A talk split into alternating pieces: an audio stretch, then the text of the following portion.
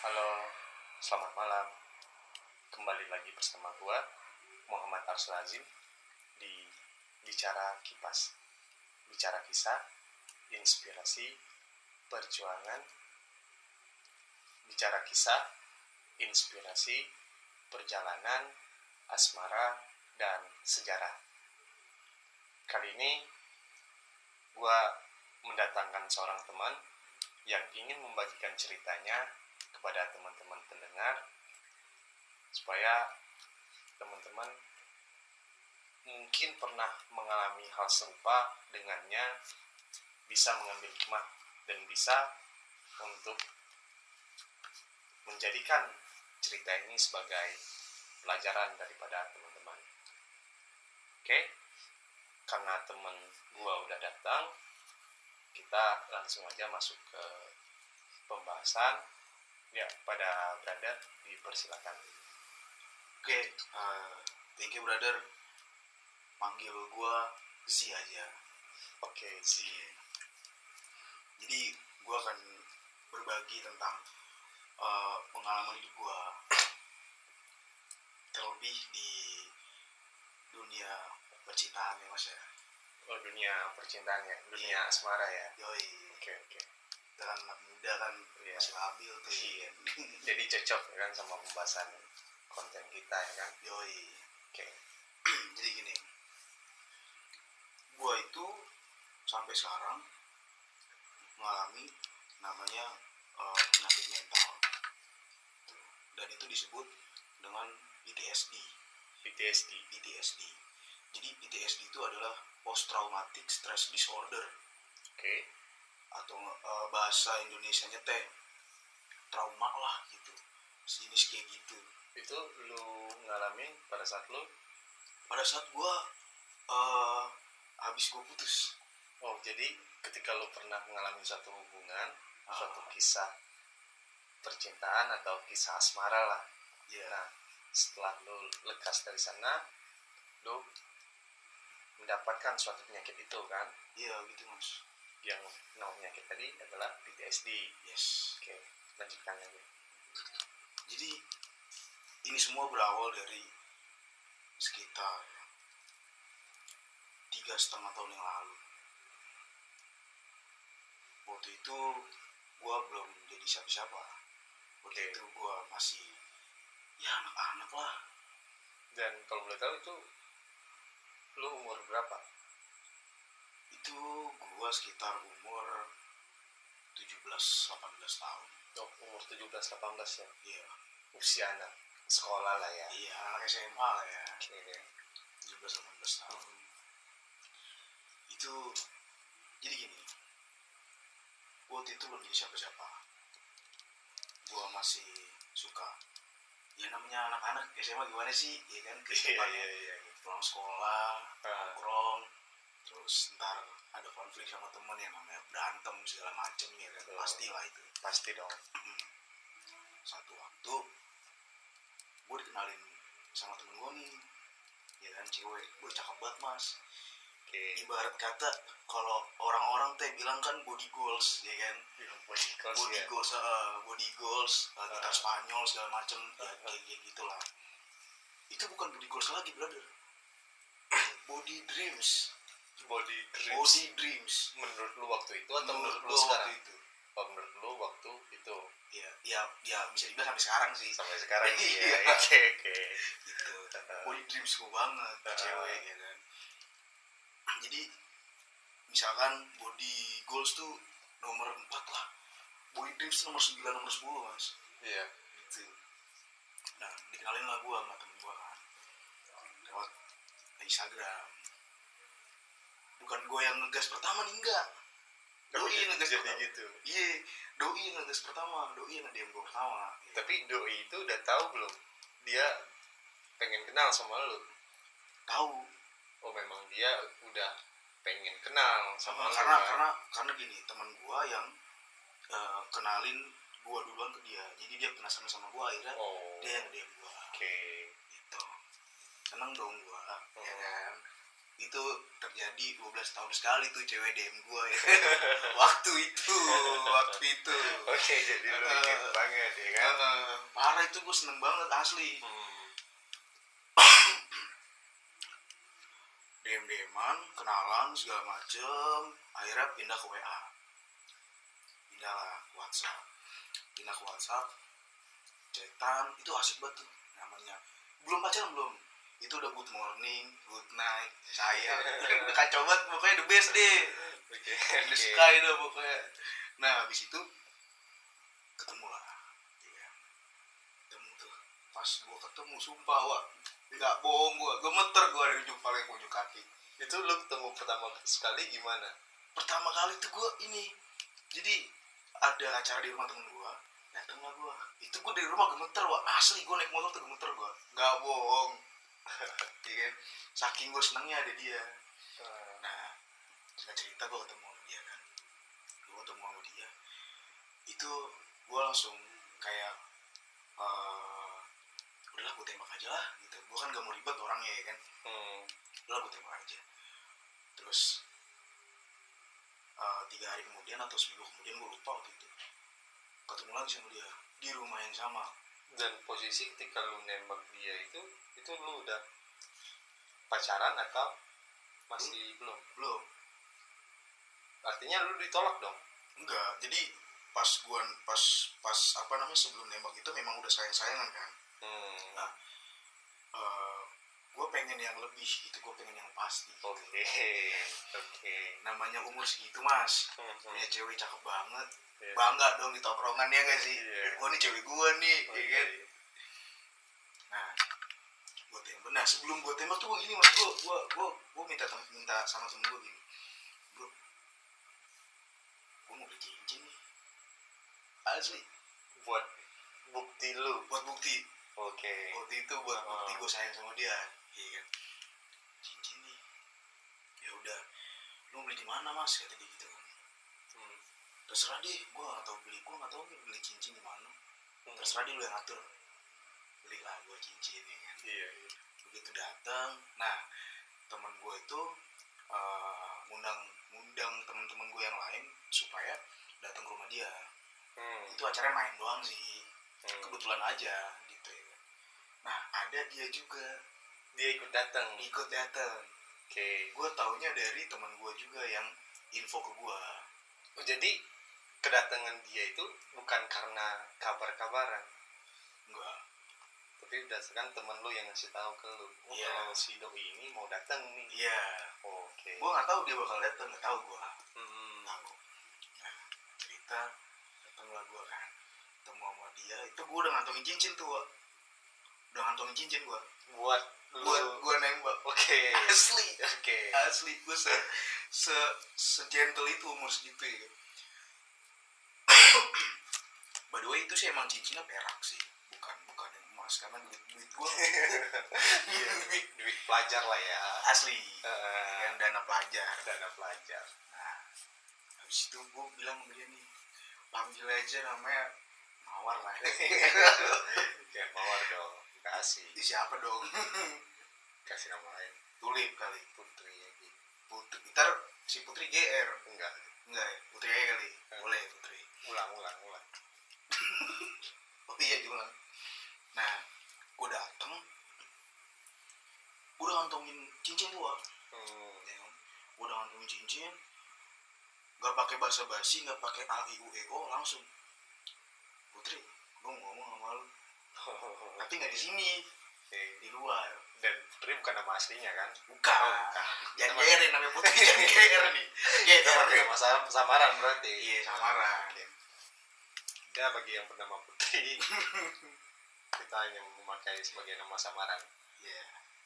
nah Hmm. gue bawa tuh dia gue boyong pakai motor sampailah di satu kafe sampai di satu kafe gue bilang gini gue inget banget gue inget banget kata-kata kalimat yang gue keluarin buat dia Hmm. gue sayang sama lu beneran asli nggak bohong Gua beneran sayang sama lu sama lu. asli nggak bohong Asli gue bohong. Itu kata-kata yang lu Iya. pakai ketika nembak si doi Iya, tadi. iya. Si Putri ini. Heeh. Oke. karena gue nggak bisa romantis mas Oke. nggak bisa romantis gue Hmm. terus dia bilang gini maksudnya apa? Tuh gue pas dia bilang maksudnya apa? Gue diam gue langsung. Nge-freeze gue kacau. Nge-freeze langsung tangan gue ngambil itu cincin di kantong gue ya kan. Hah? gue langsung tunjukin ke dia gue show off. Hah? nih lu mau gak jadi cewek gue langsung gue sodorin tuh cincin ke dia. Gak pakai bahasa basi. Itu orang satu kafe ngeliatin gue ngeliatin asli seumuran anak SMA berani nyatain cinta segentleman itu yes pada sosok perempuan ini yes dan pakai pembuktian seperti orang Yes. lama tunangan orang ya kayak tunangan itulah Hmm. Hmm. Jadi Ya. gua gua ngasih cincin kayak kayak orang lamaran aja mas, Hmm. gitu. Dan itu satu kafe ngeliatin gua asli. Orang-orang tuh ngeliatin gua langsung tiba-tiba pandangannya kayak tak gitu ke gue. Hmm. Terus si putri ini nangis, netesin air mata tuh. Gua takut dong ya kan. Gue tanya, Hmm. lo kenapa kata gue. Gitu. Gak apa-apa gue terharu aja kata dia gitu. Terharu kenapa kata gue. Ya, gue belum pernah soalnya ditembak ditembak kayak gini gitu. oke Dan gue langsung gini aja, gue gak mau basa-basi kan. Hmm. Ya udah gue diterima apa enggak kata gue gitu. Kalau misalkan gue diterima, lu ngizinin gue buat pasang nih cincin di jari manis lu. kayak orang bener-beneran mau tun tunangan ya. asli asli kalau misalkan lu nolak gua lu boleh keep ini cincin Heeh. lu kantongin sekarang jadi nggak usah dipakai gak usah dipakai Oke. daripada dibalikin ke gua ntar gua galau weekend terus dia bilang gini ya udah pasangin wah langsung gitu kayak dunia tuh berasa kayak wah gila ya kan soalnya gini mas Heeh. itu cewek paling cakep waktu itu di sekolah di sekolah sama di mantan gua di antara mantan mantan gua oh. dia yang paling cakep waktu jadi itu selama perempuan yang pernah pacaran sebelumnya dibanding dengan sosok yang ini Ah. yang sebagai body dreams lo, body Yes. goals lo, Yes. dia paling paling mm, lah terbaik lah di antara semuanya. Ah. Bukan berarti semuanya itu nggak baik kan? bukan berarti semuanya nggak baik baik cuman Hmm. dia tuh the best in the sky lah pokoknya Best in the sky. gitu ya udah tuh terus akhirnya setelah sesi tembak menembak Hmm. baliklah gua ke rumah temen gua kan balik ke rumah temen gua yang tadi posisi cincin udah udah mas udah dipasang udah terpasang nih. Sudah ada status lah ya. ada ada dong udah ada bukti cincin jari manis saudara. Bangga dong gua ya kan? Nggak bikin nama nggak? enggak Kayaknya enggak Zi Putri. Enggak. tetap abadi. enggak enggak dong. gua enggak salah itu. Oh, nggak salah itu. gue nggak salah Oke. itu iya. Setelah itu singkat cerita pacaran lah gue ya masuk enam bulan pertama masuk enam bulan pertama gue masuk kuliah Jadi berarti lu pacaran sama dia di umur lu yang udah mau lulus sekolah udah lah. mau lulus SMA Hmm. nah habis itu gue kuliah di Jaksel Dan hubungan lu sama dia udah berjalan berapa lama? sekitar enam bulan Sekitar enam bulan. enam bulanan jadi gue masuk kampus itu posisi hubungan gue udah enam bulan Hmm. sama dia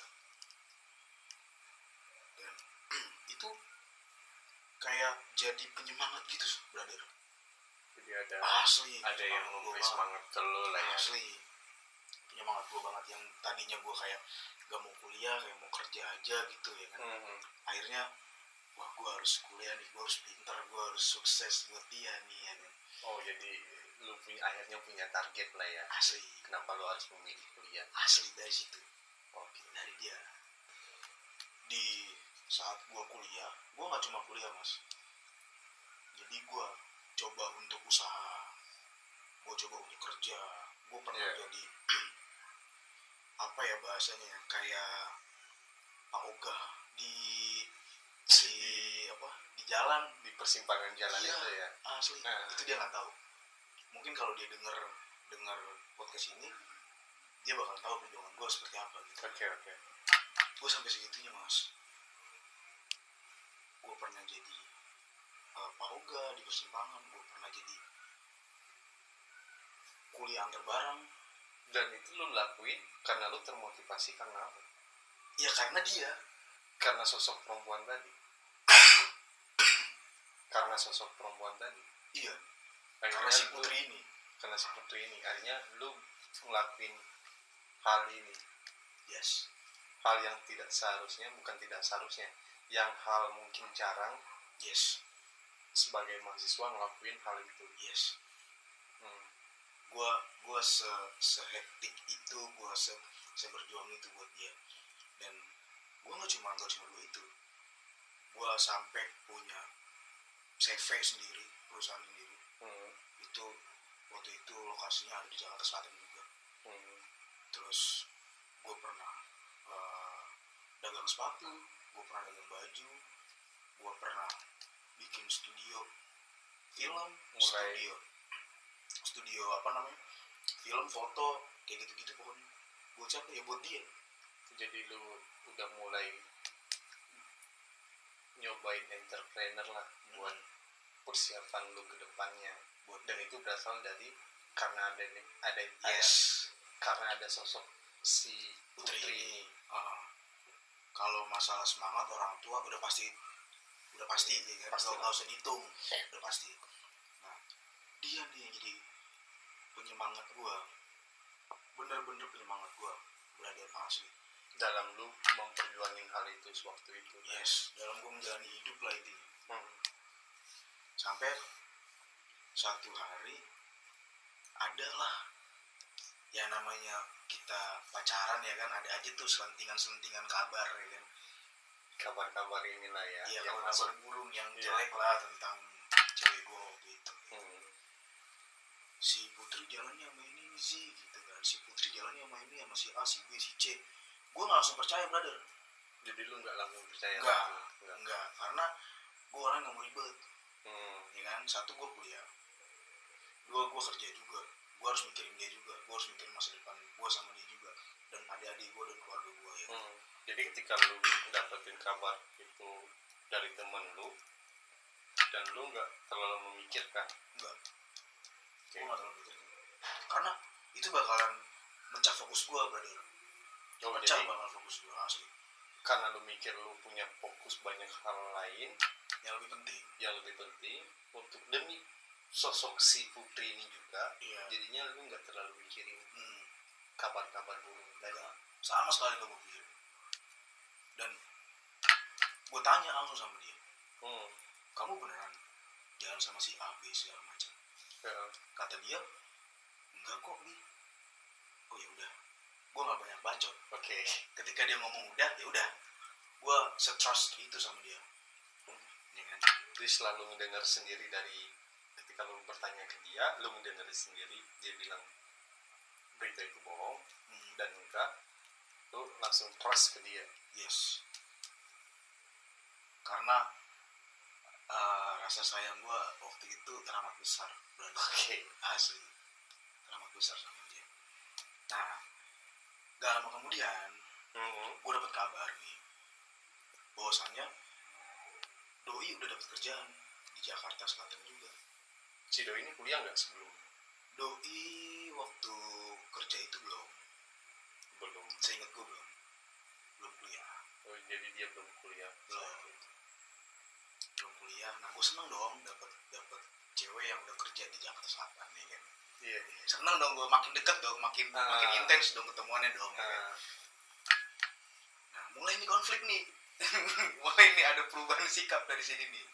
oh jadi lu ngeliat dari mulai muncul-muncul perubahan sikap dari si putri ini Ya, semenjak dia Ah, kerja dan di tengah-tengah dia kerja, dia Hmm. kuliah juga.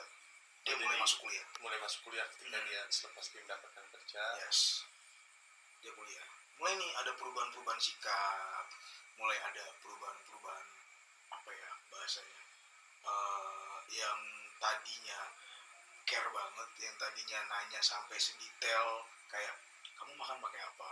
Hmm. sama siapa sekarang kayak eh, udah makan belum?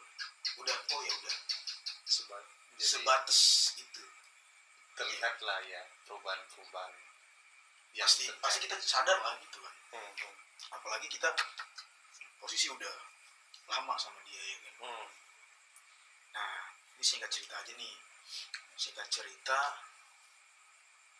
gue denger dari temen gue yang kebetulan satu kantor juga sama dia jadi ada tuh cowok yang tiap siang tiap sore itu ngasih makanan ke dia brother.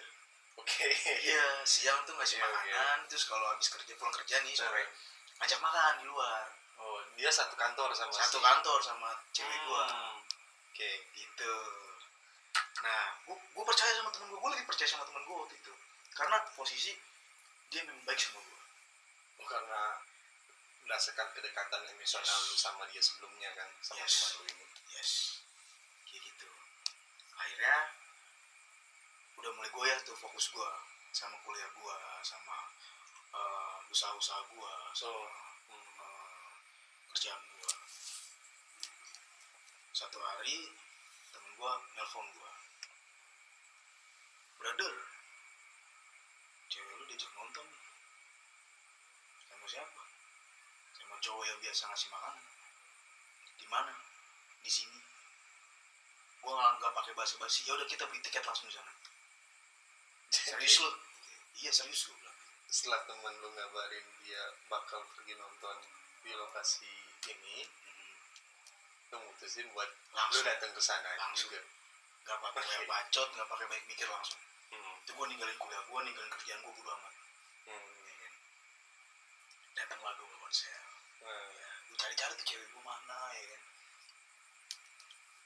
Sampai eh, satu waktu gue ngeliat cewek gue di depan. Pas di lokasi pas di konser itu. konser itu. Konser itu. Pas banget gue ngeliat cewek gue di depan. Jadi kan namanya konser kan kerumunan pak. Iya iya. Gue apal gue di body cewek gue rambutnya segala macam Ah. apal gue ya kan? Pas dia nengok ke kiri wah iya bener ini dia nih bener ini si putri ini. Yes. Terus kata temen gue yaudah ayo langsung aja santronin kata dia gitu kan. Hmm. janganlah ini usaha orang pak. Ini eh acara orang jangan jangan dirusuh dah diiminin dulu gue mau lihat. Hmm. gue mau lihat cewek gue diapain. Gue mau lihat nih cowok sebenarnya apa sih. Oke oke Iya kan? asli pak nih wah gila nih sedih banget sih. Gue ngeliat cewek gue gue ngeliat cewek gue dicium dipeluk sama orang yang gak gue kenal depan mata gue itu gue langsung kayak oh akbar. Hancur pak. Asli hancur sehancur hancur ya tuh perasaan gue waktu itu. Pas lu ngeliat di depan mata lu depan langsung. mata gue gak pakai perantara langsung. Depan mata gue hancur pak. Kayak perjuangan gue selama ini tuh nggak ada harganya gitu. Hmm. ya kan terus. Gue gue, gue tonton aja terus gue liatin. Sampai selesai konser gue kira langsung pulang. Enggak ternyata. Masuk dulu ke mall. Hmm. jadi kan itu posisi di mall Nah. salah satu mall ya masuk ke salah ke mall itu makan. Mereka makan lah berdua di situ. Hmm. gue chat cewek gue di posisi cincin masih di tangan tuh cewek Oke. gue tuh. Gila keren gak tuh ya kan? Gue chat. Kamu lagi di mana? Lagi ngapain? Hmm. Lagi rebahan nih di rumah. Uh, jawabannya ketika Jawabannya kayak itu. gitu. oke. Dan posisi lu ngeliat dia sedang makan. Asli. Ah, gue foto langsung. Krek, oh ini di rumah lagi tiduran. Terus dia langsung kayak nyariin gua gua cabut langsung. Gua gak mau nyari ribut pak. Gua gak mau nyari ribut di tempat usaha orang. Ah, mungkin kalau kalau ketahuan di jalan bisa langsung gua hajar iya. masa ini usaha orang dan posisi gua sebagai waktu itu pelaku usaha juga gua Hmm. gak mau usaha gua diganggu orang iya iya Iya. Nah, pas gua pulang, diantarin temen gua kan sampai rumah. hmm. Di jalan tuh gua tahu tiba-tiba tangan gua tremor gitu. Tremor, gua nangis, gua eh, wah pokoknya rasanya kacau dah. Nggak bisa dijelasin Nggak bisa jelasin, pokoknya kayak perjuangan gua yang kemarin tuh sia-sia gitu pokoknya. Sia-sia. iya iya Iya. Kayak, wah, hancur lah dunia Pak. Hancur, hancur banget, hancur banget. gara-gara momen waktu itu Gara-gara, gara-gara satu malam. Bayangin 2000 dua tahun setengah hancur gara-gara satu malam lumayan kan waktu dua tahun setengah waktu uang tenaga yang gue dedikasikan buat si putri ini tapi dia kayak gitu iya kan? itu kayak wah gila dah gila gue nggak bisa kata-kata lagi nih Hmm. akhirnya gue sampai rumah gue cerita nyokap karena gue deket sama nyokap kan Hmm. gue cerita cerita cerita akhirnya kata nyokap ya udah li eh, ini keputusan ada di tangan kamu mama gak mau ikut campur malam itu juga gue mikir oh ya udah putus. Gak pakai basa-basi putus. Jadi lu akhirnya membuat keputusan untuk mengakhiri hubungan sama si putri ini. Yes. Di malam setelah kejadian. Yes. Langsung gue nggak pakai basa-basi. Nah besok paginya besok Hmm. pagi itu gue ke rumah dia. Gue jelasin semuanya. Gue ngeliat lu nonton konser segala macem segala macem segala macem. Sampai gini di saat gue masih berjuang buat dia jujur ya brother ini gue udah bisa gue udah bisa beli rumah gue udah beli mobil buat dia. Asli persiapan lu. Udah mateng. Gue udah beli rumah udah beli mobil. Dari hasil yang lu kerjain. Dari hasil itu. Gue kuliah gue usaha Hmm. gue kerja bontang panting sana kemari sampai dia nggak tahu gue dua puluh ribu tuh bisa bertahan seminggu. Dia nggak tahu kerjaan gue sampai kayak gitu. Posisi gue jauh dari orang tua. Ya kan? Ya walaupun cuman deket sih masih daerah Jabodetabek rumah gue Hmm. cuma tetap aja pak jauh dari rumah. Lu nggak tinggal di rumah? Enggak gue nggak tinggal di rumah gue ngekos. Gue bela-belain gue ngekos Iya kan? nah di situ gue langsung berpikir ya udah ini rezeki dia. Mobil rumah rezeki dia. Gue kasih ke dia semua. Semua gue kasih. Walaupun lu udah putus ini walaupun gue udah gue udah gue udah ikhlas gue putus sama dia gue bilang ini rezeki lu. Gue emang gak ngomong sama lu gue berjuang sampai sampai sebegitunya. Hmm. sampai sehebat ini di umur yang belum genap 20 tahun gue udah bisa beli ini. Buat lu lu harus lihat perjuangan gue Hmm. lu kira dengan dengan lu minta maaf semua akan selesai semua akan terobati semua akan normal kembali? Enggak. Enggak sama sekali. Ya udah dengan ikhlas berarti ya nangis juga sih gue ya udah ini kunci mobil STNK BPKB rumah surat-surat segala macam ini rezeki lu. Ini rezeki lu semua gue gak mau ngambil. Karena apa? Karena gue berjuang gue sampai punya ini ini demi lu. Buat lu semua. Reaksinya ketika udah lu ngasih itu gimana? Nangis dia. Dia nangis dia bilang maafin aku bi aku hilaf. Aku eh, tergoda sama cowok lain. Ya hilaf sih. Semua orang juga bisa hilaf brother tapi nggak dicium juga ya kan? Nggak nonton konser dicium dipeluk juga. Ya enggak gila itu namanya itu lu pengen namanya bukan hilaf ajar nih perempuan emang ya kan? Kan nggak jadi nangis ya udah tuh nggak lama gue cabut nggak lama gue cabut gue ke apartemen gue ke apartemen gue apartemen gue lantai 10 hmm. Itu gue udah di balkon diem rokok sampai gue bener-bener gue tenang gue damai hati gue karena gak ada yang bisa diajak ngobrol brother. Di kondisi lu waktu itu. Di kondisi gue waktu itu.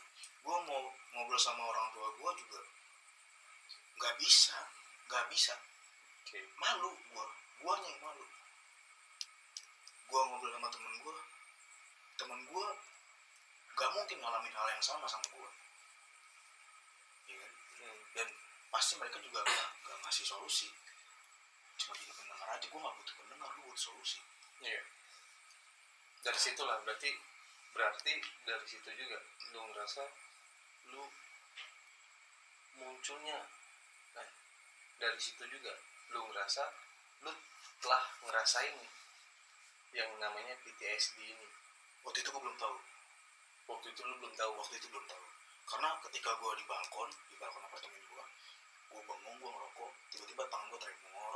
Hmm. terus gue kayak panik nggak jelas tiba-tiba Hmm. serangan panik gitu terus di kuping gue kanan kiri tuh kayak ada suara-suara kayak gitu mas.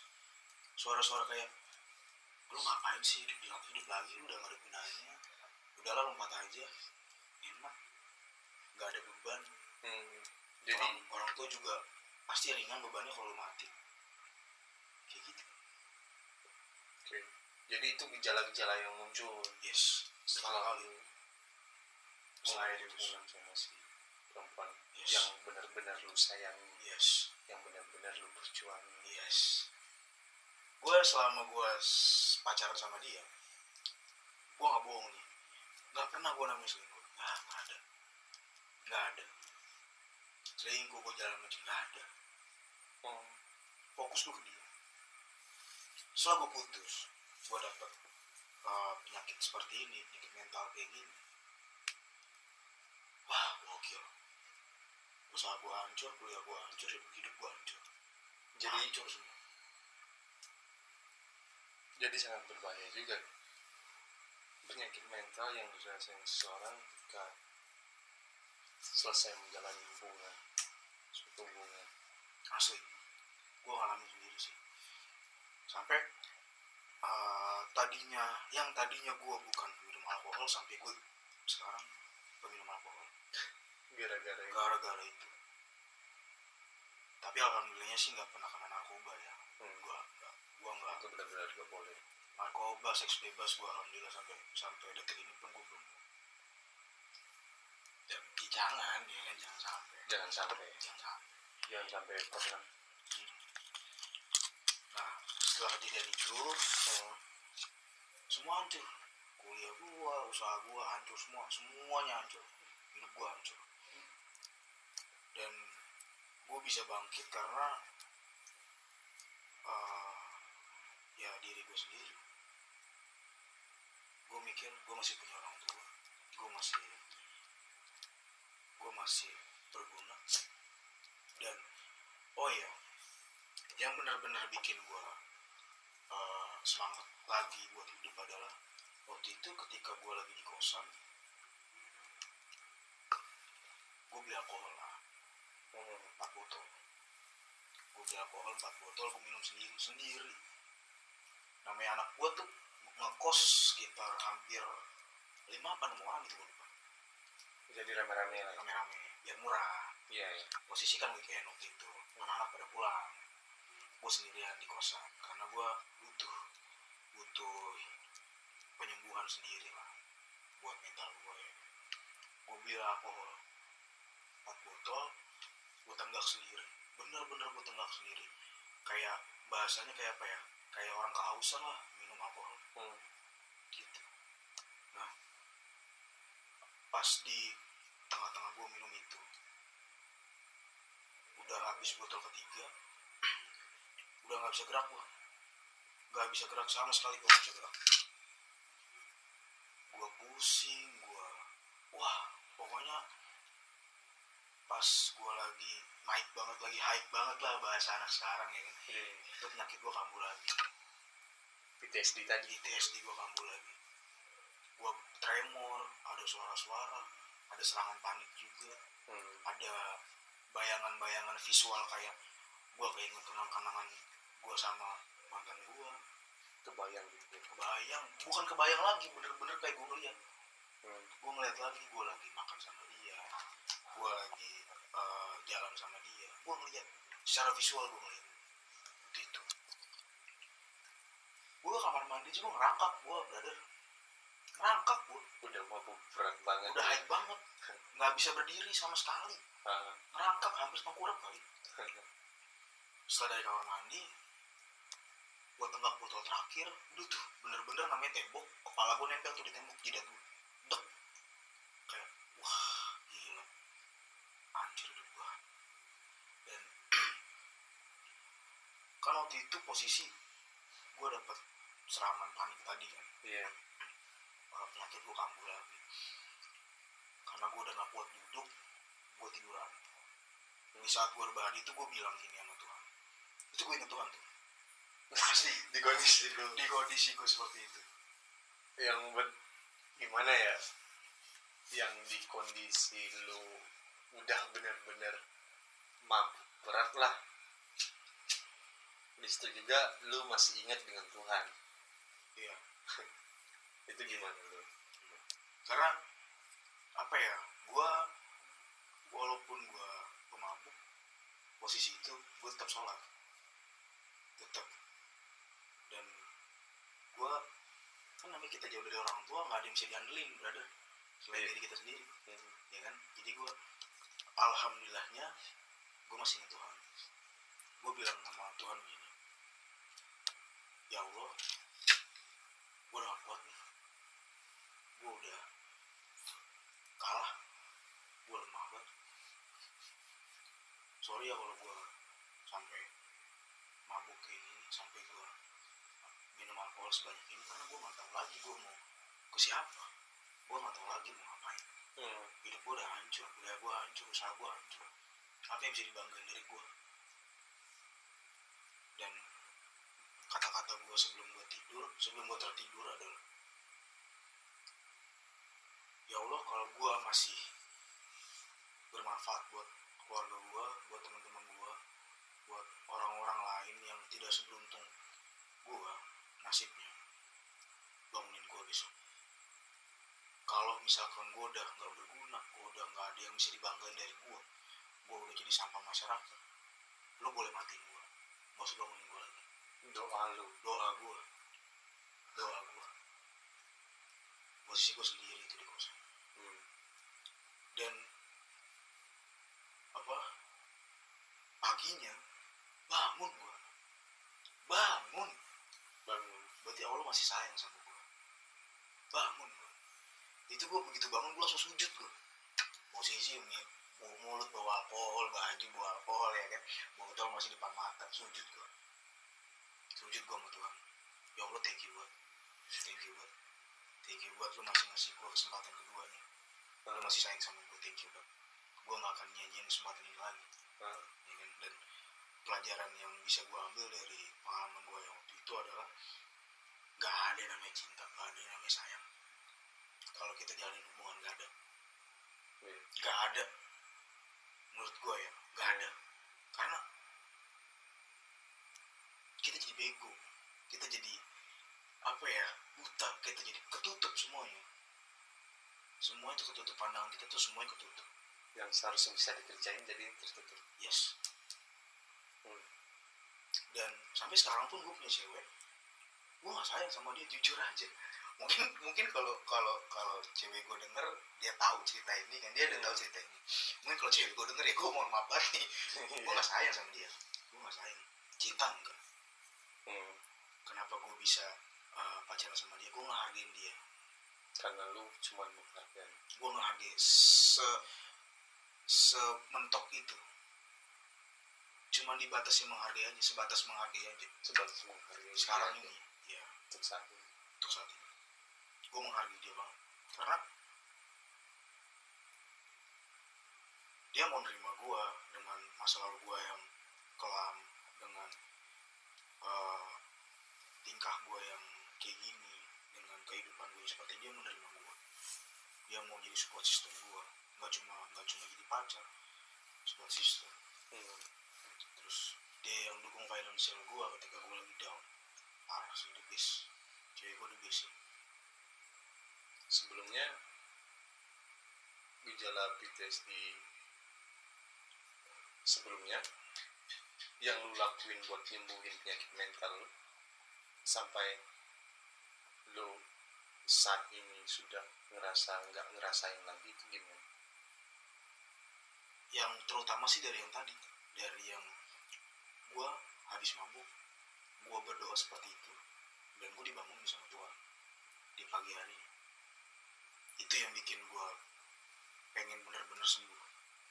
Dan gue juga ke psikiater enggak. Penyemangat hidup gue ya gue sendiri. Gue sendiri. Cukup gue yang pengen gue bangga. Cukup gue yang pengen gue yang seneng. Cukup gue yang pengen ngelihat diri gue sukses.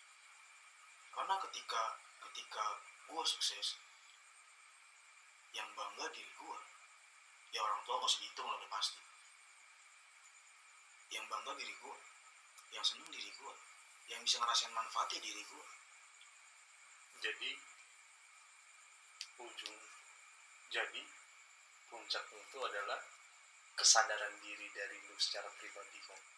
Ya karena rasa syukur gue rasa thank you gue sama Allah gue dikasih kesempatan lagi buat memperbaiki kesalahan-kesalahan gue oke ya walaupun dengan jalan yang kurang bener dengan jalan yang minum alkohol cuman ya kan kita nggak tahu di mana orang bisa dapet titik balik itu jalannya seperti apa. Betul. Itu itu sih pengalaman gue yang yang pengen gue share. Dan untuk teman-teman di luar yang mungkin punya gejala yang sama sama gue yang bisa jadi penyemangat diri lu ya diri lu sendiri oke. Lu harus dekat sama Tuhan. Lu harus apa-apa minta sama Tuhan. Kalau lu dekat sama orang tua lu dan orang tua lu juga asik buat ajak ngobrol ya sok atuh ngobrol sama orang tua lu. Kalau misalkan lu malu lu gengsi ngobrol sama orang tua lu lu harus bisa self healing brother. Hmm. dan apa namanya lu harus yakin bahwasanya diri lu tuh berharga. Diri lu tuh berguna diri lu tuh sebenarnya adalah berlian yang terpendam. Gitu aja sih. Karena ketika kita yakin dengan satu hal positif kita akan dapat itu apa pun bentuknya apa pun gimana pun jalannya. Kayak gitu sih. Dan eh, kalau mau ke psikiater pun sok silakan kalau yang punya duit. Hmm. kalau yang nggak punya duit coba yuk deket sama Tuhan. Kalau lo Islam ya lu sholat lu ngaji. Kalau lu agama-agama lain yang kayak Kristen Hindu Buddha Protestan segala macem ya lu datang ke tempat lu beribadah lah. Lu ngadu sama Tuhan. Lu hamba Tuhan. Lu pengikut Tuhan. Lu anak Tuhan. Yang bisa lu ajak ngadu yang bisa lu ajak ngobrol dari hati ke hati ya Tuhan. Jadi sisi spiritual juga sangat penting dalam mengobati gejala-gejala yes. kondisi terpuruk kita.